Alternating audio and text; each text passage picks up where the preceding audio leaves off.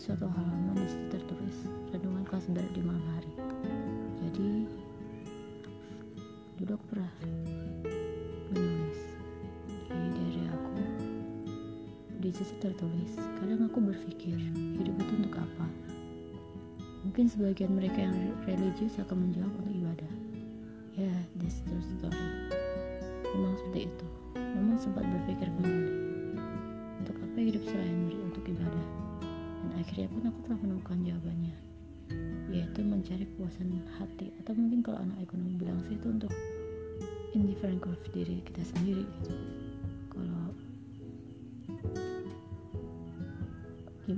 lalu gimana caranya?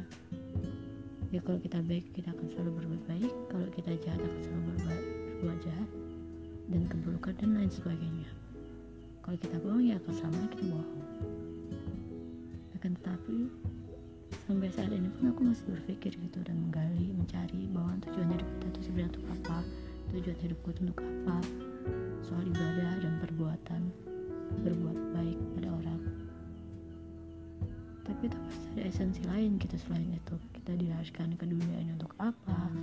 Kenapa setiap orang berbeda? Kenapa kita dilahirkan dari rahim yang berbeda? Nasib kita berbeda? Entahlah masih banyak yang harus kita pelajari dari kita sendiri gitu loh untuk mengenal diri sendiri pun rasanya tak sempurna gitu. Kita belum bisa gitu mengenal diri kita sendiri.